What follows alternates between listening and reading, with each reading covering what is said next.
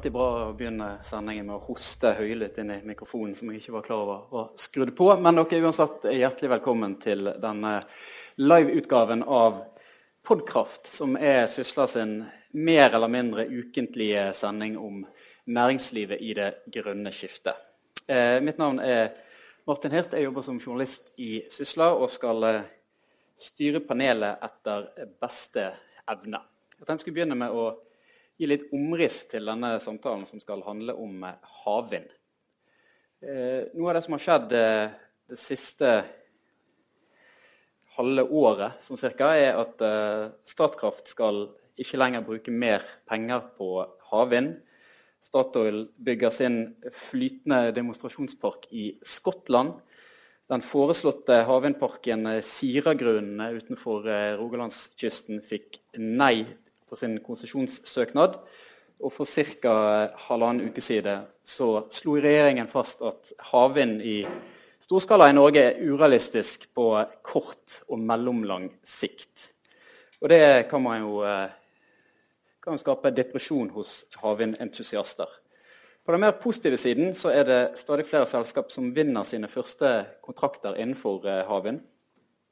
I fjor så vant eh, norske rederi kontrakter for 3,2 milliarder eh, kroner. Og nylig så kom eh, nyheten om at 30% av kontraktsverdien til den nevnte demonstrasjonspakken til Statoil har gått til norske aktører. Det er ca.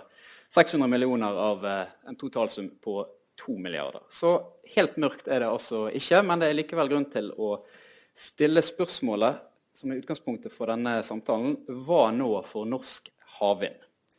Til å uh, finne ut av det. Vi skal konkludere for godt i løpet av uh, den neste timen. Hvis vi er i støtet, så har vi invitert tre personer som alle har lang erfaring fra eh, bransjen.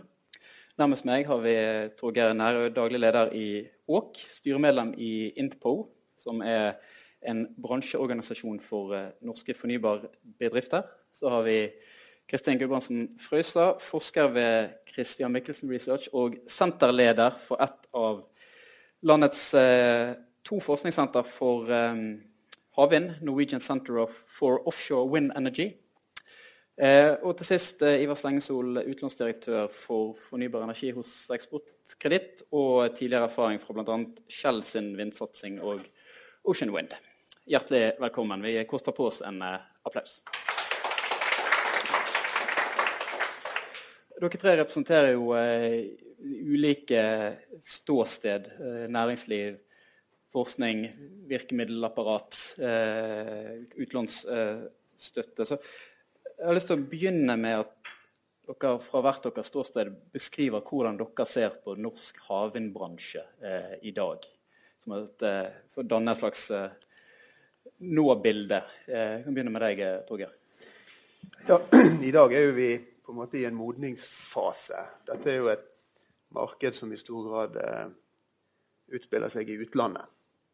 Eh, vi har en del lokomotiver i Norge som har meldt seg på i det markedet. Og vi som en i stor grad tjenesteproduserende bedrift, eh, vi har vel i første omgang eh, følt på de, de, større norske aktørene som, eh, som, har meldt seg på i de utenlandske markedene. Eh, heldigvis, vi har sett tidligere i dag, da, så er jo dette et, mer, et marked som er i fremdeles i sterk vekst.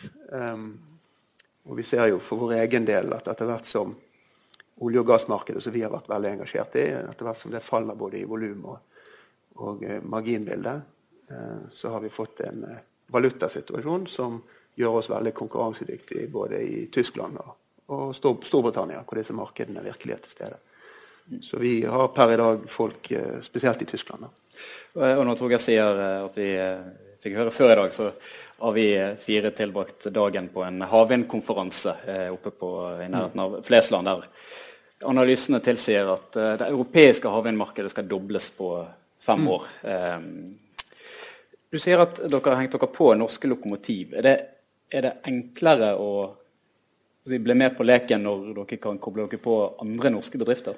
Er det en forutsetning, tror du? For oss har det vært en forutsetning. For dette handler i veldig stor grad om Eh, risikokapasitet hos selskapene. Det er veldig krevende kontraktstrukturer i, i, denne bransjen. Det er store, tunge ting som skal løftes ut i havet og settes i drift. Og det er milliardinvesteringer og milliardleverandørkontrakter. Og da må du ha en risikokapasitet til å håndtere det. Og eh, vi som et mellomstort norsk foretak har da valgt å hva skal jeg si, koble oss på de som har den risikokapasiteten fra Norge. Kristin, fra forskningsperspektiv, hvordan ser det ut? Altså, vi merker jo veldig godt at det øker interesse for veldig mange bedrifter å gå inn i dette. Det er mange som nå er interessert i å få ett bein til å stå på. Og Vi merker ikke så veldig mye som forskningsaktør, annet enn at vi ser at det er veldig mange flere som deltar på ulike arrangement av den type som var i dag. På våre egne arrangement, Science Miss Industry. Vi hadde et arrangement i Stavanger i 6. april, og der var rekorddeltaking og veldig mange nye industriaktører. Men som forskningspartner så merker ikke vi så veldig mye til denne nye interessen. For folk er primært interessert i å skaffe seg kunder. Og jeg tror òg en del av de som er aktive og vil inn, ikke veldig, driver ikke så veldig mye med forskning. Men uh, vi opplever at det er en veldig positiv holdning. Og vi er litt på en måte litt tilbake der vi var i 2009-2010. Der det òg oljebransjen gikk dårlig, og folk skulle finne eh, noe annet å drive på med. Samtidig så har det skjedd en enorm utvikling, og det er jo mange prosjekt som er realisert. Så det er mye mer demonstrert at dette virkelig er et marked i vekst. Vi har jo òg eh, eh, sånn som Statoil sin Hywind og Hywind Skottland vil jo bety veldig mye tror jeg, for norsk havvindbransje. Ivar, du, du, skrev en kommentar på eh, Sysla for en tid tilbake at det er på tide med en eh, omstart for norsk havvind. Hva, hva, legger du egentlig i det? Ja, Det, det legger jeg i det, det, bildet som har blitt tegnet opp her. Eh, er, er, jo sånn at Vi, vi starta i 2007 og 2008. Da var det mange som mente at havvind skulle bli det nye, store industrieventyret. Og Da hadde vi noen år med eufori. Eh, her var, det, her, var det, bare å ta tak i mulighetene. Eh, så gikk det ikke helt sånn som mange hadde venta. 2010-2011 eh, kom det et omslag, og da slo det inn litt sånn svartsyn og pessimisme i norsk kontekst. Og nå, som, som har blitt nevnt her, så er vi tilbake, pendelen svinger litt tilbake. At en ser vinden har snudd. Det henger til dels sammen med situasjonen i petroleumsindustrien. en ser etter nye muligheter. Eh, status i dag på leverandørsiden er at de norske aktørene eh, har en markedsandel på mellom 2 og 4 i, i henhold til analyser som vi i Eksportkreditt Norge har gjort. Eh, så det monner jo ikke akkurat til et industrieventyr sånn som situasjonen er nå. Så skal dette bli større, så, så må leverandøren ta en større bit av kaka enn, enn det vi har i dag. Og den kaka den vokser jo, så, så muligheten er der. Men det må et omslag til nå. Eh, hva, skal til for å gripe den muligheten, sånn du ser det? Altså, hva, hva, hva, må på plass? Et eller annet må jo sannsynligvis skje for at man skal kunne gå fra en prosentandel på 4% Du har jo sagt at 10 innen, av, av, markedet innen 2020 burde, burde være mulig. Ja. Eh, eh, vi må nesten ta eh, liksom, segment for segment innen, innen offshore vind for å se hvor muligheten ligger. Eh, jeg tror ikke det er muligheter f.eks. innen turbinleveranser. Det er dominert av de store eh, aktørene som eh, Siemens, GE, Vestas, Mitsubishi eh, osv. Der jeg tror det er muligheter til å vokse fortsatt, det er innen installasjon, logistikk, drift og vedlikehold. Der ser vi jo, som du nevnte, at det kommer flere redere, offshoreredere som kaster seg inn der. Vi har DNV GL, som er godt posisjonert. du har Fred Olsen Vindkarrier på installasjonssiden. Du har kabelleverandørene. Så en vekst av de eksisterende og, og, noen nye aktører som, som kommer inn i, i noen av de spesifikke områdene der, der vi har naturgitte forutsetninger for å bli større. Kristin? Ja, jeg vil jo påpeke det med ting som varsling, altså værvarsling og sånne ting. er jo òg et område der Norge har en stor aktør i StormGeo, og der det er òg kanskje veldig naturlig for oss å ta en stor markedsandel. Det gjelder både operativ varsling og det gjelder uh, kartlegging av site. En annen ting uh, Vi har hatt Sysla Grønn har nå eksistert i ca. ti år. og den, I løpet av den korte levetiden så har vi hatt én kontrovers i meningsspaltene våre. og det, I den samme kommentaren Ivar, så, der du tok til orde for Omstad, så skrev du òg at forskningsinnsatsen delvis hadde vært et slag i luften. Det, det, det var ikke du helt enig i, Kristin? Nei, altså, det er vi selvsagt ikke, for vi mener jo vi driver på med noe veldig meningsfylt. Eh, men det er òg eh, både det å bygge opp en stor kompetansepool eh, Det, det tar ganske lang tid å få forskere til å skjønne markedet og skjønne industrien sine spørsmål. Det andre er jo kanskje at vi har underkommunisert en del av de resultatene som vi tross alt har fått opp, og som f.eks. Statoil har tatt med inn i sine systemer. Men det er klart at vi kan ikke drive og forske og forske og forske i det uendelige uten at vi greier å få dette inn i industrien. Eller det kan vi jo gjøre, men da er det ren grunnforskning og ikke næringsforskning, sånn som disse FME-ene skal gjøre. Så det er klart at skal FME-ene og næringsforskning ha en verdi, så må vi i enda større grad komme i inngrep med industrien. Men vi er nok litt mer i inngrep med industrien enn det ser ut til. Eh, jeg tror nok forskningsmiljøene delvis har vært litt plaga av at det har vært ganske stort gjennomtrekk av, eh, av eh, næringslivsaktørene. Eh, det var jo denne euforien da, rundt 2009 og, og 2010. Eh, der, der, var det, der, var mange med, men en del av de forsvant.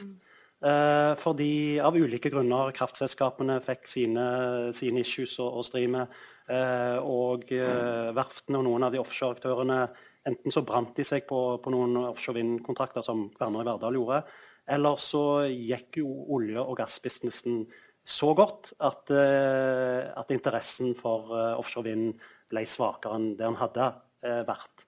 Jeg, selvfølgelig, forskningen har verdi, men når jeg, når, jeg provoserer litt når jeg sitter sammen med mine gode kollegaer i, i Forskningsrådet, Enova, Innovasjon Norge, de som er litt tidligere i verdikjeden enn en det som Eh, med Eksportkreditt Norge og GIEK. Vi, vi, er jo her for å hjelpe til for at eh, kontraktene kommer på plass. Og når jeg provoserer litt, så sier jeg at eh, jeg ser det blir gjort en kjempegod innsats. Men jeg ser for få kommersielle aktører som kommer ut i andre enden, som vi store aktører, som vi i Eksportkreditt Norge og GIEK kan bistå uh, til å få kontrakter på, på plass. Og, og, og, der tror jeg det er fortsatt, det er fortsatt et issue Eh, og løfte opp noen av de, de, større aktørene, disse lokomotivene som kan dra med seg resten av de små og mellomstore aktørene. Kristin, en kommentar også, tror jeg. Ja, altså eh, no, Noe av eh, det som jeg tror har vært viktig når det gjelder det med forskning, er jo at eh, de som skal ta imot forskningen, må også forplikte seg. De må ha folk til å sette inn. og Der ser vi veldig forskjellig hos de ulike medlemspartnerne i Norkove på brukersida. Noen har eh, dedikerte ressurser som har på en måte tid til å jobbe langsiktig til å følge opp dette. Mens andre er så, så, på, så pressa på leveranser. De sitter i linje, og de skal levere, de har et prosjekt. Så de får aldri tid til å følge opp, selv om de kommer tilbake og sier at dette er veldig interessant. Men liksom den daglige leveransen tar de. Så jeg tror eh, hvis de skal greie å få utbytte av forskningen, så må de som skal ta i bruk dette, ha dette som et internt prosjekt på linje med ekstern leveranse. Ellers kommer det ingen vei. Okay. Ja, altså Det kan jo ikke sies sterkt nok hvor viktig det er å drive forskning inn mot denne sektoren. Det er veldig mange bedrifter i Norge i dag må omstille seg fra det å gå fra veldig arbeidsintensiv tjenesteproduserende virksomhet til å gå ut eksempelvis i offshore vindindustrien. Problemet da er det at du må ha noe med deg som gjør deg unik for norske selskaper med norske ansatte å selge tjenester i Nord-Europa ellers, det er veldig veldig krevende. Så det å ha med seg noe som gjør deg unik, er veldig veldig viktig. Et område vi har klart det veldig veldig godt på i Norge, det heter instrumentering. Det er et veldig godt eksempel på hvordan vi har gått via forskning til å få et fantastisk miljø, et av de sterkeste innenfor enkelte disipliner i Europa. Og vi er i noen nisjer dominerende nesten i verden. Og Det er enormt stor verdiskapning for Norge og for norske arbeidsplasser. Så vi er nødt til å ha denne forskningen med oss for å være unike når vi kommer ut. Og skal du ha marginer, så nytter det ikke bare å komme med sveisesertifikatet sitt eller andre sertifikater. Du må ha med deg noe som gjør deg unik. Og det er det forskningen som skaffer oss. En, en kommentar fra, fra Ivar, så skal vi gå litt videre i samtalen. Ja, eh, når, når, når KV og, og Novitec ble etablert, så eh, ble gjort en runde med oss. Den gangen så var jeg i, eh, i, i næringslivet, eh, i et offshore vindselskap. Og da var min feedback at jeg tror dere sprer dere litt for tynt. Dere prøver å dekke alle mulige felt innen offshore vind. Sats, eh, sats på noen, ta noen bets, sats på noen områder der en kan Eh, der en kan bli virkelig gode eh, i Norge industrimessig og eh, forskningsmessig. Og det tror jeg kanskje skjedde. Det var litt tynt, men nå ser jeg tendenser i den, den som tar over nå, at den har spissa, etter hvert spissa seg litt og hatt et litt sånn næringsmessig, konkurransemessig syn på at det, ja, vi blir gode på som du nevnte, på instrumentering f.eks. Eller noen ting som, blir, som, en, som en virkelig hever seg på internasjonalt. Og det er bra. Ehm, det ble òg anledning for eh, publikum å stille spørsmål litt uh, ute i uh, samtalen, sånn at dere er klar over det. Da kommer min kollega Sturle, som nettopp fikk den jobben, til å gå rundt med mikrofon i salen.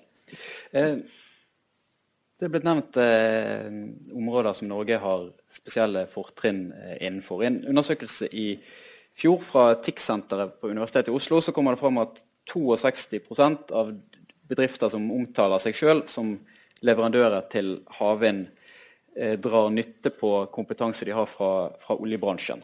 Eh, og Åk er jo en av de eh, bedriftene, tror jeg. Kan ikke du dra sånn kort gjennom hvordan dere si, ramlet inn i en ny eh, sektor? Ja, det, det, er egentlig enkelt og litt kjedelig, kanskje.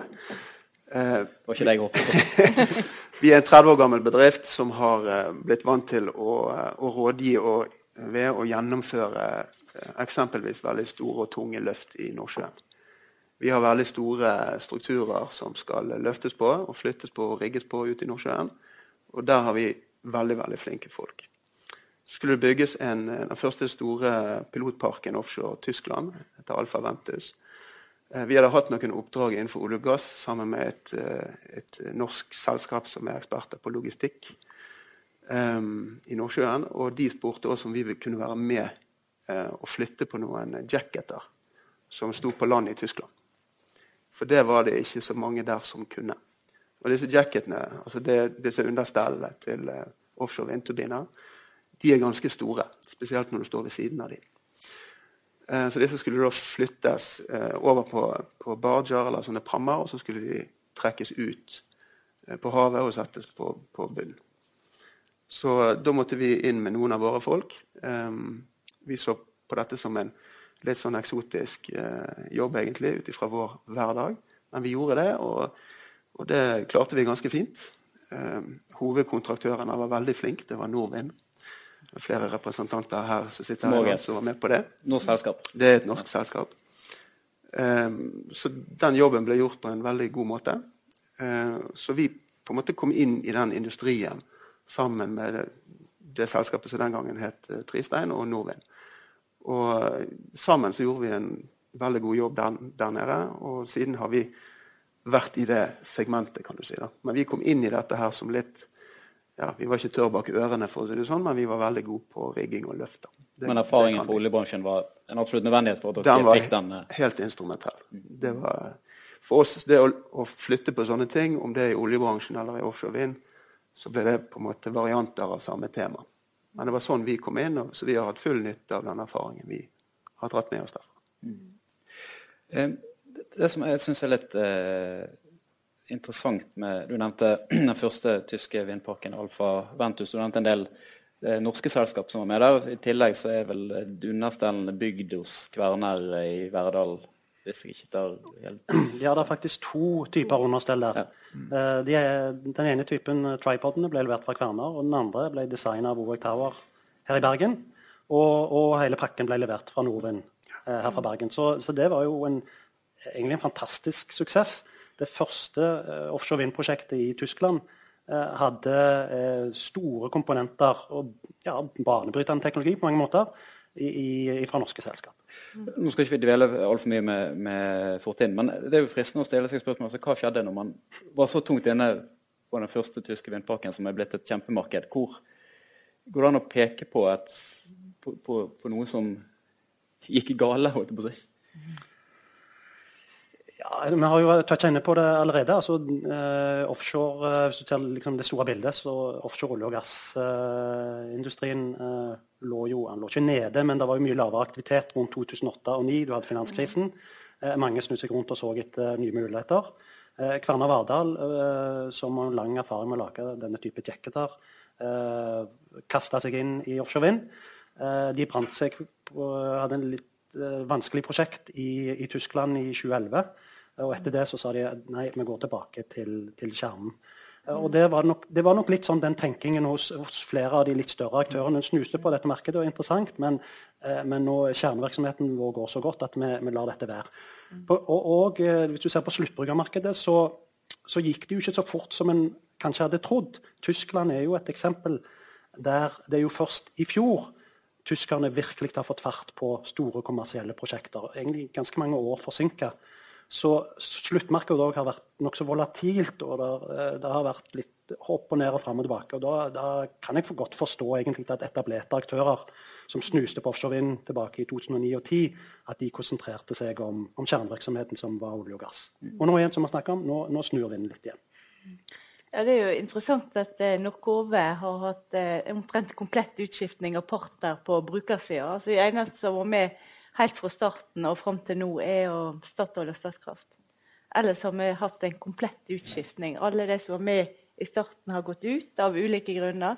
Flere fordi at de skulle slutte med havvind. Noen sa det at de hadde ikke bruk for forskning.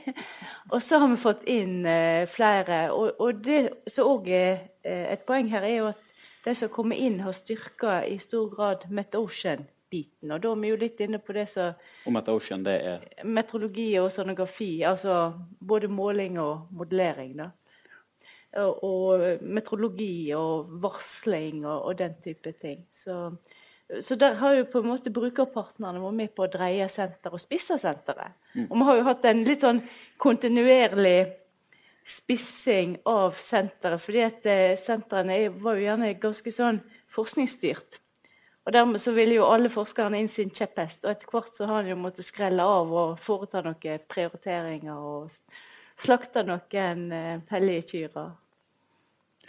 Hvis vi, hvis vi uh, vender blikket litt framover. Nå kom det uh, for kort tid siden en energimelding som uh, staker ut kursen for Norges energipolitikk, i hvert fall fram til 2030. Der var regjeringen pålagt fra Stortinget å komme med en strategi for å få på plass et skal se om jeg husker formuleringen i hodet, et demonstrasjonsprosjekt for flytende vindkraft og andre former for hav havenergi. Eller noe i den dur. Eh, det eh, som ble lagt fram, eh, er for så vidt eh, i positive eh, ordelag, men ikke veldig konkret på hvordan det skal eh, oppnås. Og, og dette med mangel på et norsk hjemmemarked og muligheten til å demonstrere eh, om det er tjenester eller teknologi eh, At man ikke har mulighet til det, blir jo ofte fremhevet som det, det største hinderet for at næringen skal, skal vokse. Og i etterkant av denne energimeldingen så er flere bransjeorganisasjoner og næringsrepresentanter gått sammen om å lage sin egen strategi for hvordan dette skal eh, være mulig. Og du er med i den eh, gruppen, eh, Ivar. Kan ikke du si litt kort om hva, hva, hva, vil et demonstrasjonsprosjekt være? Altså, i, i realiteten, hva, hva er et demonstrasjonsprosjekt eh, for havvind? Og hvor mye, hvor mye koster det? Og hva, jobber dere nå med i, i denne gruppen? Ja, hovedformålet med et demonstrasjonsprosjekt er å kvalifisere ny teknologi. Eh, og nå har vi et eh, perspektiv i, i den gruppen som eh, Novea, Norsk Vindkraftforening, har samla eh, på ja, 2025-2030. Så det er en, liksom den, den nye generasjonen. Men så må vi jo finne ut da, hva, hva er den teknologien som vi skal eh, demonstrere. Eh, på Dubin-siden så har vi jo ingen norske interesser. Eh, så, så det blir liksom, sett fra et norsk synspunkt litt mindre viktig. Så da er det jo naturlig å se på det som er under vannet. Eh, fundamenter, eh, installasjon, eh, muligens kabling. Og det er flere konsepter eh, på gang der, og nå snakker jeg om bunnfaste konsepter.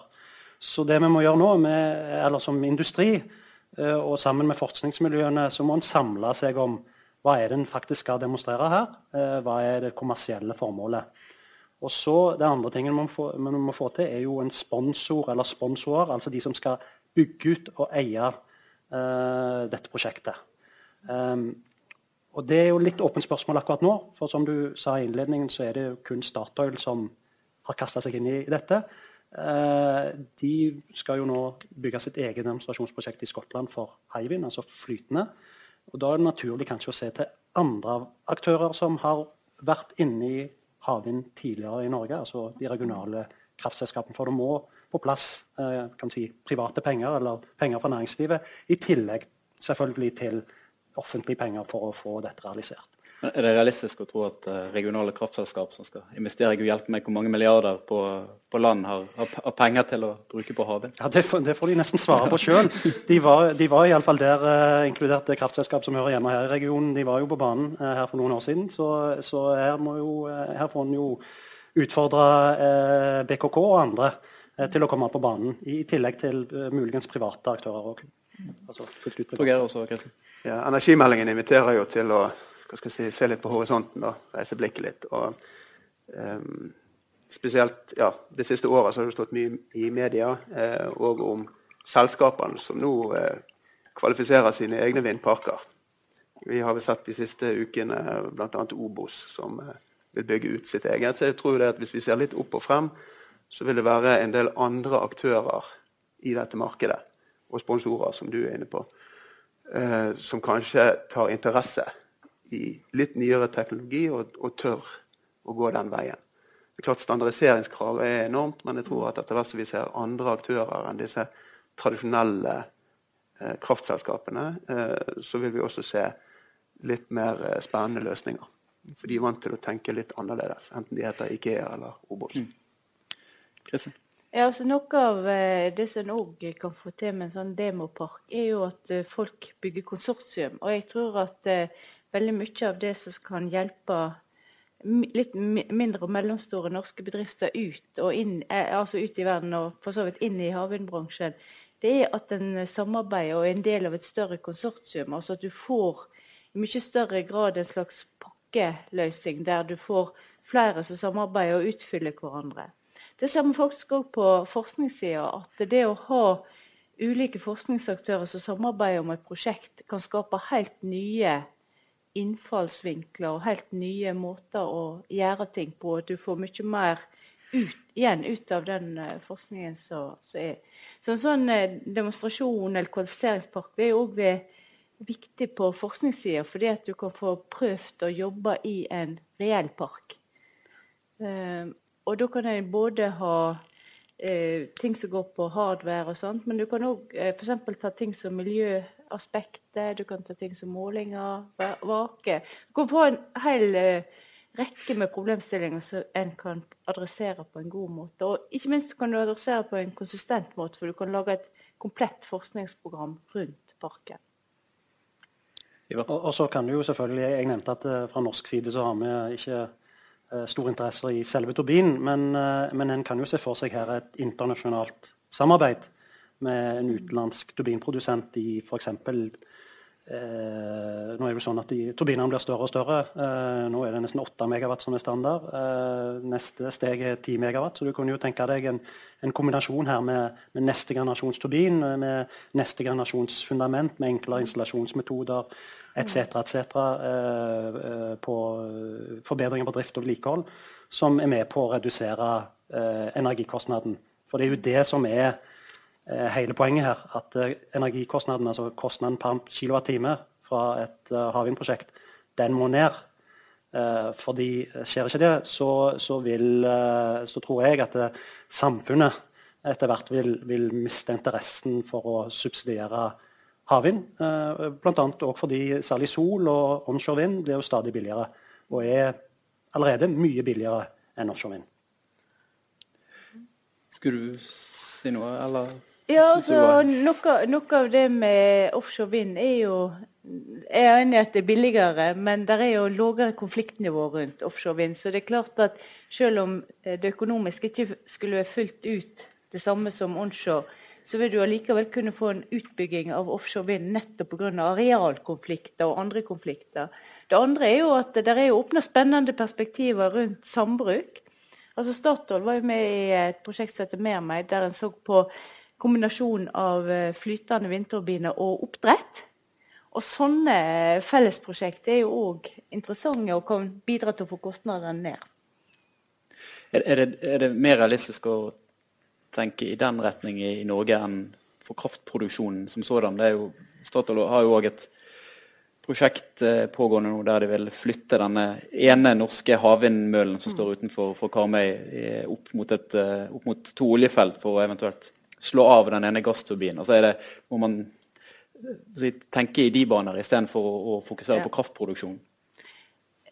Ja, det tror jeg. Og jeg, jeg tror òg at det at havvind i så stor grad blitt betraktet som energi og ikke som industri, Altså, det burde kanskje i enda større grad vært betraktet som industripolitikk og en eh, si, utvikling av en industri, og ikke bare vært plassert i energimeldingen. Altså, En vil jo gjerne kanskje flytte der over til Monica Mæland fra Tord Lien for å kanskje få høyere tempo og mer eh, intensitet på det. Tror jeg også, Ivar. Ja, altså det, det, du nevner der med sambruk mellom eh, Eller å flytte disse vindturbinene tettere på oljefeltene, tror jo jeg er eh, et viktig steg hvis vi skal realisere noen som helst i Norge. Eh, hovedårsaken er jo det at veldig mye av norsk oljeproduksjon nå går inn i, i haleproduksjon, senfase. Da må vi bruke mye mer brønnstimulering, som vi kaller det, reservoarstimulering. Dvs. Si vi, vi må pumpe væske og andre ting ned i reservoaret for å få ut den siste oljen. Og Det er veldig energiintensivt. Så Det er sterke krefter i dag som vil elektrifisere dette fra land. Og jeg mener Et veldig godt alternativ både kostnadsmessig og driftsmessig til det er å, er å sørge for at vi gjør det ved hjelp av vindturbiner. Ja. Vi er jo farga av uh, tida, det er vi jo alltid farga av den tida vi, vi, sitter i. Uh, jeg eh, tok fram en rapport fra 2008 som jeg leste nå rett etter jeg så på energimeldingen. Det var rapporten fra Energirådet. I Energirådet satt eh, alle de ledende aktørene eh, i Norge. Statkraft, Statnett, Skatec, Energi Norge. Og de hadde fått i oppgave av OED å tegne opp en visjon for offshore vind. Den rapporten ble levert til Åslaug Haga, som den gang var olje- og energiminister. Det var våren 2008, altså åtte år siden. Og den rapporten, eller Anbefalingen fra Energirådet, som altså var absolutt mainstream av norsk kraftbransje, var at vi må bygge ut 4000-5000 megawatt offshore vind i Norge innen 2020-2025. Det kommer til å være et kraftunderskudd på 40 TWh. For Den gangen så, så, var det faktisk et kraftunderskudd når en så på framskrivninger. Ja, her trenger vi masse ny fornybar energi. Vi skulle bygge ut et supergrid i Nordsjøen. Og, eh, norske, og basert på den eh, hjemmemarkedet og de industrielle mulighetene, så kunne norske aktører ta minst 20 markedsandeler innen eh, leverandørindustrien. Når du, når du leser den rapporten i dag, så framstår det jo i beste fall litt urealistisk og liksom i verste fall nesten litt sprøtt eh, i forhold til der vi sitter i dag, og sånn som kraftbransjen og, og, og ser ut, eller liksom det store makrobildet ser ut. Men det forteller oss jo òg at det, ting kan endre seg. Eh, sitter vi her i 2020, eh, så kan ting se helt annerledes ut igjen. Eh, eller i 2025. Eh, sånn at eh, i et langt perspektiv så tror jeg ikke vi skal avskrive eller fraskrive oss noen som helst muligheter. Men, men, i dag så er jeg enig med det som står i energimeldingen, at det, det, det, er ikke noe som tyder på at vi skal bygge ut storskala offshore vind eh, i Norge i de nærmeste 10-15 årene. Men who knows? Er det noen i salen som har spørsmål eller eventuelt eh, kommentarer? Jeg ser det sitter representanter både fra nåværende havvindvirksomhet og for, forhenværende òg. Eh, mens dere eh, tygger litt på den, så kan jeg jo stille spørsmål til. Altså, man har jo man har, Grovt sett så kan man skille mellom to ulike former for havvind. Enten så står turbinene festet i, i havbunnen, eller så flyter de. Og det sistnevnte er kommet vesentlig kortere i, i, sin utvikling. Er det, en, eh, er det et marked Norge kan eh, dominere? Altså er, det, er, det, en ny mulighet for å hive seg på eh, toget? Hvis, hvis, man, hvis, man, tenker at i 2008-2009, når man det var mye oppmerksomhet rundt det sist, så eh, klarte man kanskje ikke helt å komme ut av startblokkene. Og markedet har i større grad satt seg nå, og noen, noen segment er, si, som du er inne på, Ivar, tatt av etablerte aktører. Men eh, dette med flytende havvind, er det en ny mulighet for å få en omstart, for å bruke det uttrykket? Ja, jeg er nok en flytende agnostiker, tror jeg. eh, fordi nå er, nå er, flytende havvind på det nivået at det er noen få enkelt eh, demonstrasjonsanlegg, inkludert den Hywind-turbinen som står utenfor Karmøy. Nå bygger, eh, nå bygger jo Statoil da Hywind seks turbiner utenfor Skottland neste år. og Det blir jo interessant å se hvor langt den kommer der. Men sånn så utviklingen, som du har sett på utvikling på onshore vind og på offshore vind, um, så snakker nok om i beste fall at en når en, si, en kommersiell fase av flytende vind langt ut på 2020-tallet og sannsynligvis inn på 2030-tallet. Og det er det en trenger for oss å få ned eh, kostnaden. Eh, og I mellomtida så, så, tror jeg at eh, bunnfast vil fortsette å klare å redusere kostnaden. Statoil sier jo det at de har redusert kostnaden per kWt fra Sheringham Shoal, som de bygde for tre-fire år siden, til, eh, med 30 til eh, Dungeon, som, som, nå blir bygd. Eh, og, og, den trenden ser en generelt. Så, da, så flytende vind har, har, et, har, ganske langt stykke å gå for å ta igjen bunnfast. Men så er det jo noen områder i verden som ikke har eh, alternativet eh, bunnfast. I Japan, f.eks. Så, så, noen områder kan nok komme dit. Men jeg tror nok det vil ta ganske lang tid. Og det er ikke noe som, som vi ser liksom, de neste fem til ti årene i, i, stor skala. Det tror jeg ikke. Er dette en problemstilling for, for uh, forskningssentrene for havvind? Ja, altså, Vi jobber jo med noen problemstillinger som er aktuelle på flytende vind. Men i Norkove så har vi jo veldig lite sånn uh, design av hardware. Men ting som går på f.eks. turbulens og Eh, vaker i parker med flytende turbiner, det er jo en problemstilling som er oppe. Og så har vi jo òg eh, for så vidt eh, dialog med japanerne. Og det er jo veldig aktuelle for flytende havvind. Hva går den dialogen ut på? Ja, det går jo rett og slett ut på at en promoterer norsk eh, kompetanse, norsk næringsliv og norske forskningsaktører. Pluss at eh, iallfall på målesida så er jo japanske aktører interessert i å bruke eh, Norge som kvalifisering for Europa. Torgeir? Ja, altså vi har jo hørt tidligere i, i debatten rundt om hvilke nisjer som, som man finner innenfor havvind. Og det er jo det er veldig mange det tradisjonelle, gode norske disipliner. Vi har jo det som vi i Åk har jobbet spesielt mye med det siste året, er jo eksempelvis eh, substasjonene.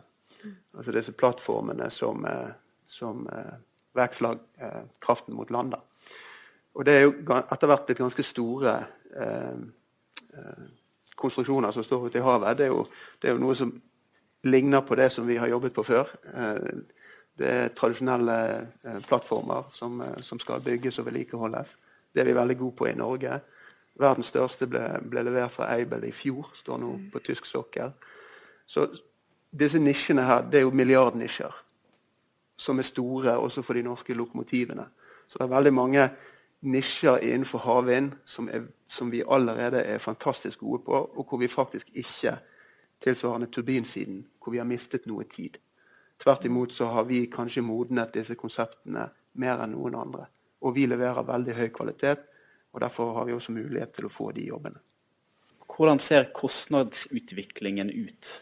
Eh, offshore, vind, eh, offshore vind har en sånn, litt sånn pussig historie. fordi at eh, De fleste energiformer som sol, og særlig sol, eh, så går det på en læringskurve. og Det blir billigere og billigere etter hvert som tida går.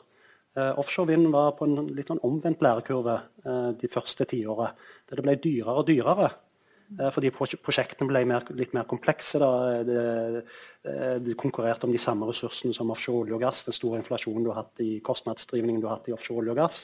Flere andre grunner. Så ble det dyrere og dyrere. men så kom det et vendepunkt vel i 2012. Så siden 2012 så har kurven gått den rette veien. Vel ned en sånn 10-20 sånn i snitt. Men fortsatt så koster jo da en kilowattime fra gjennomsnitt fra et offshore vindprosjekt omtrent det dobbelte enn det strømmen fra et landbasert vindprosjekt eh, koster. Så det er jo det som industrien er aller, aller mest opptatt av. Og og, og, som en tenker på hver dag. Hvordan, hvordan får en gjøre ting smartere, sånn at strømmen blir billigere. Jeg tenker på, um, du nevnte jo, jeg, dette eksempelet fra, fra, Tyskland i 2009, der det var en rekke norske bedrifter som, som jobbet sammen. I, I, norsk næringsutvikling i dag så er jo dette med klynger liksom den hellige gralen. At bedrifter jobber eh, svært tett eh, sammen. Finnes det en kan man snakke om en vindklynge i Norge i dag på næringssiden? Altså, har, har, dere samarbeidsbedrifter som dere jobber tett sammen med, eller et miljø av, av bedrifter der eh, problemstillinger potensielle samarbeid eh, diskuteres? Ja, altså vi har et uh, ganske bra nettverk i, helt tilbake til den første jobben vi gjorde i 2009. Um, så har vi beholdt det nettverket. og det er klart at Dette er jo et nettverk som i anbudssammenheng veldig raskt finner sammen igjen. Basert på den erfaringen vi har. Det som er viktig for oss i disse si, næringsnettverkene, da, det er jo det at vi klarer å koble på litt det som jeg var inne på i sted, nemlig forskning som gjør oss spissere, og som gir oss, eh, som gir oss litt mer unikheter. For klart det at eh, Hvis du bare kommer med skip og du bare kommer med mannskap og, og løfte- og riggekapasitet, og den type ting, så er det veldig vanskelig å konkurrere hvis du ikke har noe unikt å bringe til torgs. Altså, jeg, jeg, er veldig sterk talsperson for klynge. Altså det å ha og komplette klynge. Altså det å ha forskning, industri, altså brukere, eh, utdanning og, og, offentlig sektor, altså aktører innenfor offentlig sektor.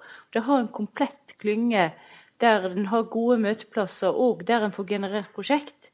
Det er jeg helt sikker på er ekstremt viktig. Og en ser jo òg i forhold til det å markedsføre seg, så er jo sånn en klynge veldig viktig.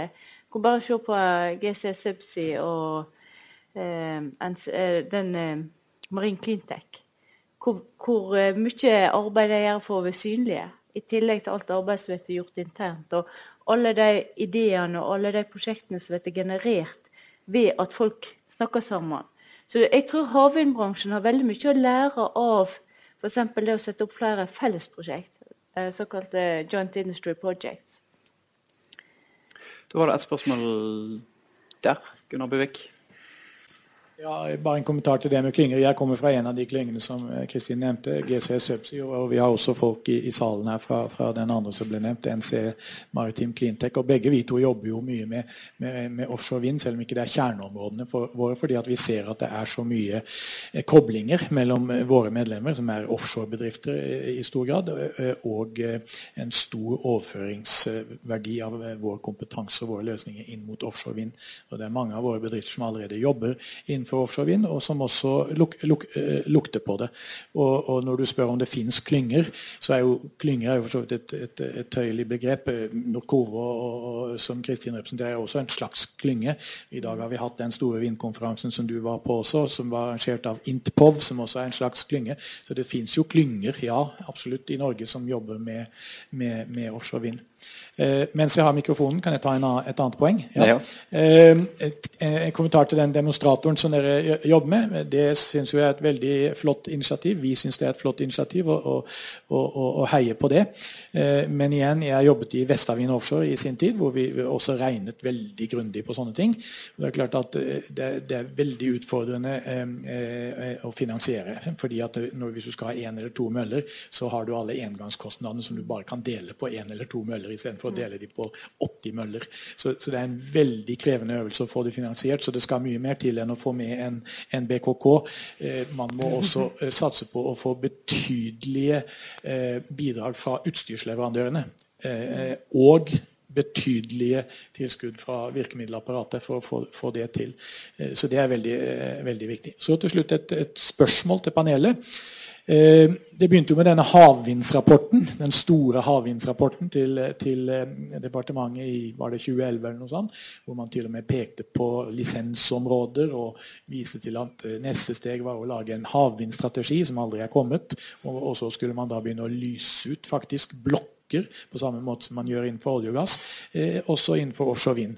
Eh, og alt dette vet vi jo at det har jo eh, ikke skjedd noen ting. Men, men hvordan ser panelet på det eh, på sikt? Vil vi få et norsk hjemmemarked i det hele tatt noensinne?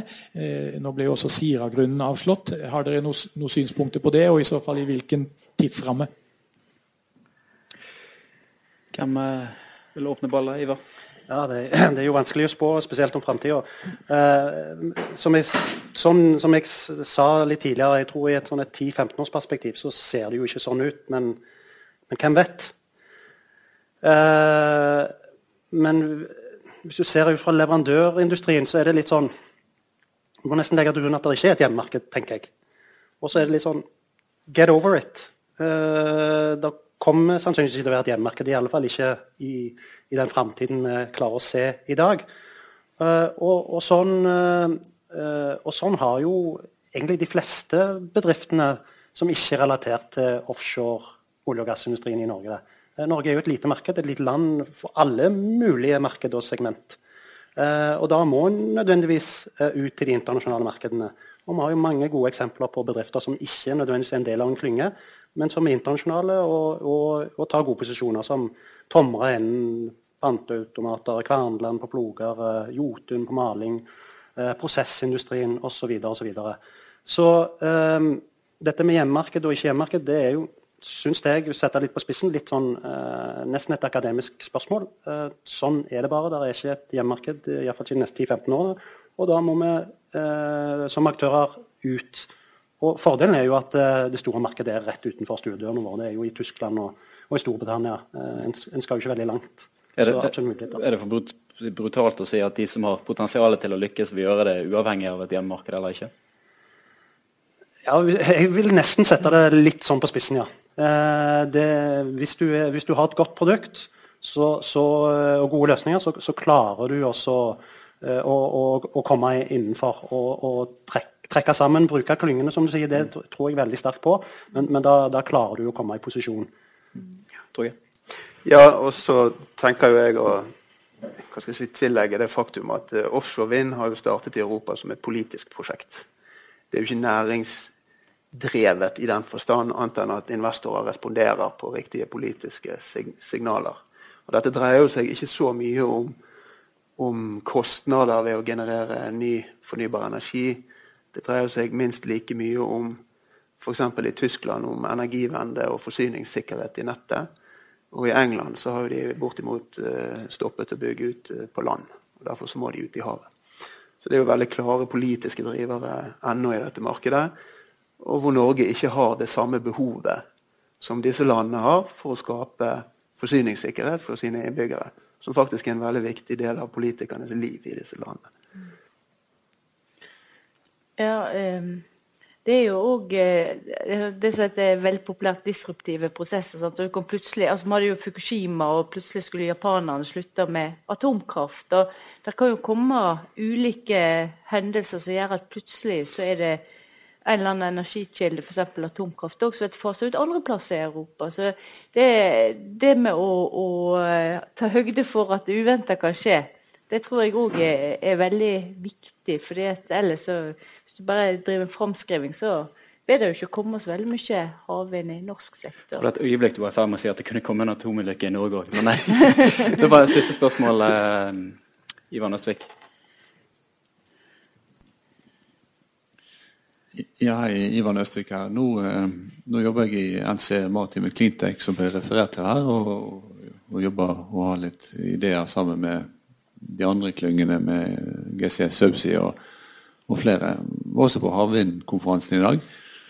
Min bakgrunn er jo da at jeg startet da Norvind i sin tid. Og har vært med hele veien til vi stengte ned i fjor. Og sitter vel med en uh, følelse av at dette var noe som vi kunne ha fått til, men ikke, det ble ikke noe av av de grunnene som Ivar og Torgeir har vært inne på. Det er mange ting som slo imot.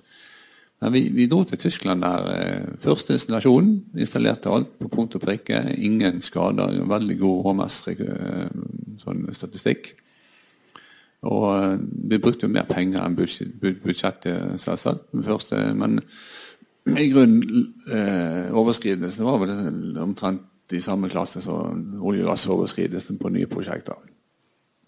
Så, eh, og vi har den kompetansen og den eh, bakgrunnen vår til å gå ut i dette markedet igjen, eh, ligger der. Det, det, ligger på bordet foran oss, og computerne våre. Eh, viljen til å gjøre det eh, har jeg delvis sett nå komme tilbake i blant aktører. Du ser nå kommer eh, den maritime bransjen inn. Østensjø får serviceskip inn på, på, eh, i, eh, på OM-markedet. Ulstein bygger inn i samme markedet.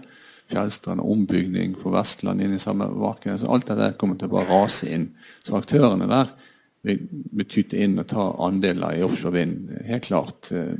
På basis av eh, skipene vi har, mannskapene den kompetansen vi har i Norge. Så spørsmålet om vi skal strukturere litt dette litt mer og ta et tak i dette, sånn som Ivar nå har begynt med, med å tenke litt på demonstrasjonsfelt. Vi gjorde dette, og alle planene ligger der i 2008 til 2010. Det er det samme du, dere går i gang med nå, som ligger der. Da hadde vi hele leverandørkjeden, minus turbinen, vel å merke. Men da hadde vi husker vi snakket både med Vestas og Repower. Alle vil komme og jobbe med norske leverandører. Men da hadde vi kabel, vi hadde transformatorstasjoner, vi hadde all subsea-kompetansen, havbunnskompetansen, struktur og understell. Og alt eh, lå til rette og, og, ble brukt og bygget i, på Alfa Ventus. Og, og, litt her og litt der. Eh, så eh, Og jeg tror eh, gjerne nøkkel til å hvis vi ønsker å ta dette opp igjen, gå gjennom og, og, og, og tenke sammen Demonstrasjonsprosjektet har vært nevnt. Eh, Gunnar sier det er veldig dyrt. Det er det. Vi kan gjøre papirprosjekter, og vi kan gå til Dong eller noen av de tyske og låne et felt. Altså, og få den dataen og bygge et virtuelt prosjekt. Og utvikle virtuelle utstyr som er 95 det samme som bygge nytt. Eller bygge altså reelt. da. Eh, så den tankedugnaden kan vi gjøre fint sammen og, gjøre, få ting til. Eh, og, men da vil jeg også se at vi eh, altså det, det som jeg forsto på, på, Ivar du var Når du sier dette med forskning jeg, jeg, var med på å skrive søknaden til Norkove. Og satte i gang arbeidet og fikk med mange folk der. Men, men, du så liksom det som skjedde, og det mener jeg. altså de Forskerne gikk inn og begynte å jobbe med sine ting. Jeg vil litt tilbake til at markedet er bunnfast. Og vi kan maritimt det er det vi kan. Så vi kan begynne å fokusere på bunnfaste løsninger. For det er der industrien, Nå jobber jeg i Maritime Cleantech, og der industrien spør hva kan vi gjøre i dag. Hva kan vi selge i morgen? Altså, i, i, altså reelt i morgen. Eh, og Da er det bunnfast, som er 99,9 av markedet. Og Det er masse ting der som er ugjort. Eh, særlig subsea-teknologien vår, eh, som Gunnar og de sitter på. Installasjonsutstyr på havbunnen. Geologiske undersøkelser. Jeg skjønner ikke hvorfor ikke norske aktører dominerer det markedet på geologiske undersøkelser med all den seismikkompetansen og havbunnskompetansen som vi sitter på på NGI, på UiB og, sikkert på alle andre NTU og disse stedene. Og, og sammen, Samlet sett så kunne man gått inn og gjort mye bedre jobber, eller mer kostnadseffektive jobber. Kvalitetsmessig og kostnadseffektive, tror jeg, hvis man tenker litt sammen. Og eh, nå Martin Cleantech kommer til å kjøre i gang et eh, innovasjonsprosjekt på dette. Og det gjør vi for medlemmene våre. og ta gjennom tråden med Ivar og, og henge oss på litt det som skjer. Og gjerne også ta opp dialogen med det nye FME-en litt Kristin som heter nå Hovind. Hovind. Ja, og at vi går litt, eh, tenker litt sammen den veien. For vi, vi kan gjøre dette hvis viljen er der. Eh, og, og, og vi, vi, har begynt det arbeidet i Maritime Cleantech. Det var en, eh, en, utstrakt hånd som regner med ble grepet av eh, til flere på scenen. Eh, vi begynte med å beskrive nå-situasjonen i 2016. Hvis vi sitter her igjen om ti år, hva tror dere nå-situasjonen i 2026 vil være? Avslutningsvis. finnes det flere havvindturbiner i Norge om ti år? Jeg tror Ivar har litt rett i at uh, i så fall må det være et politisk prosjekt i Norge som ønsker det veldig sterkt. Um, det ser jo vi ikke konturene av i dag. Så jeg tror at uh, vi har mye ugjort uh, både på vannkraft og andre fornybare uh, kilder før vi, vi, ser tungt inn mot havvind. De politiske signalene så langt som du startet debatten med, er jo er jo ikke positive verken på Siragrunnen eller, eller for Vestavind sitt prosjekt, eh, som vi alle husker. Sånn at eh, jeg tror ikke faktisk om ti år at Norge vil ha utviklet seg til å bli et stort marked for dette. At vi har en demonstrator, det tror jeg. Men ikke et stort eh, hjemmemarked. Jeg tror vi må ut. Og det tror jeg vi, mange av oss har veldig godt av. Kristin? Altså, jeg tror iallfall at Nordsjøen vil være full av vindturbiner. Og det er jo spørsmål om det etter hvert blir så fullt at det kommer interesse for utenlandske aktører å bruke deler av norsk territorium til sine vindparker. Det kan en jo òg faktisk tenke seg. Så en Nordsjø full av eh, vindturbiner er jeg iallfall helt sikker på. Da får du siste ordet, Ivar. Ja, framtida Framtid er elektrisk, eh, som Statnett sier. Og jeg tror vi kommer til å se mye og, fortsatt store forandringer eh, generelt i energisystemet de neste ti årene. Det er bare en start, det vi har sett til nå. Eh, så jeg vil ta en råsjanse og tenke at eh, det som Energirådet skrev i 2008, som i dag fremstår som, som, ja, som sa, nesten sprøtt, at det i 2026 er blitt mainstream igjen og, og som svinger tilbake. Ta, ta den råsjansen. Optimistisk avslutning. Tusen takk til uh, Torgeir, Kristin og Ivar. Tusen takk for at uh, dere kom. Gi dem en varm applaus.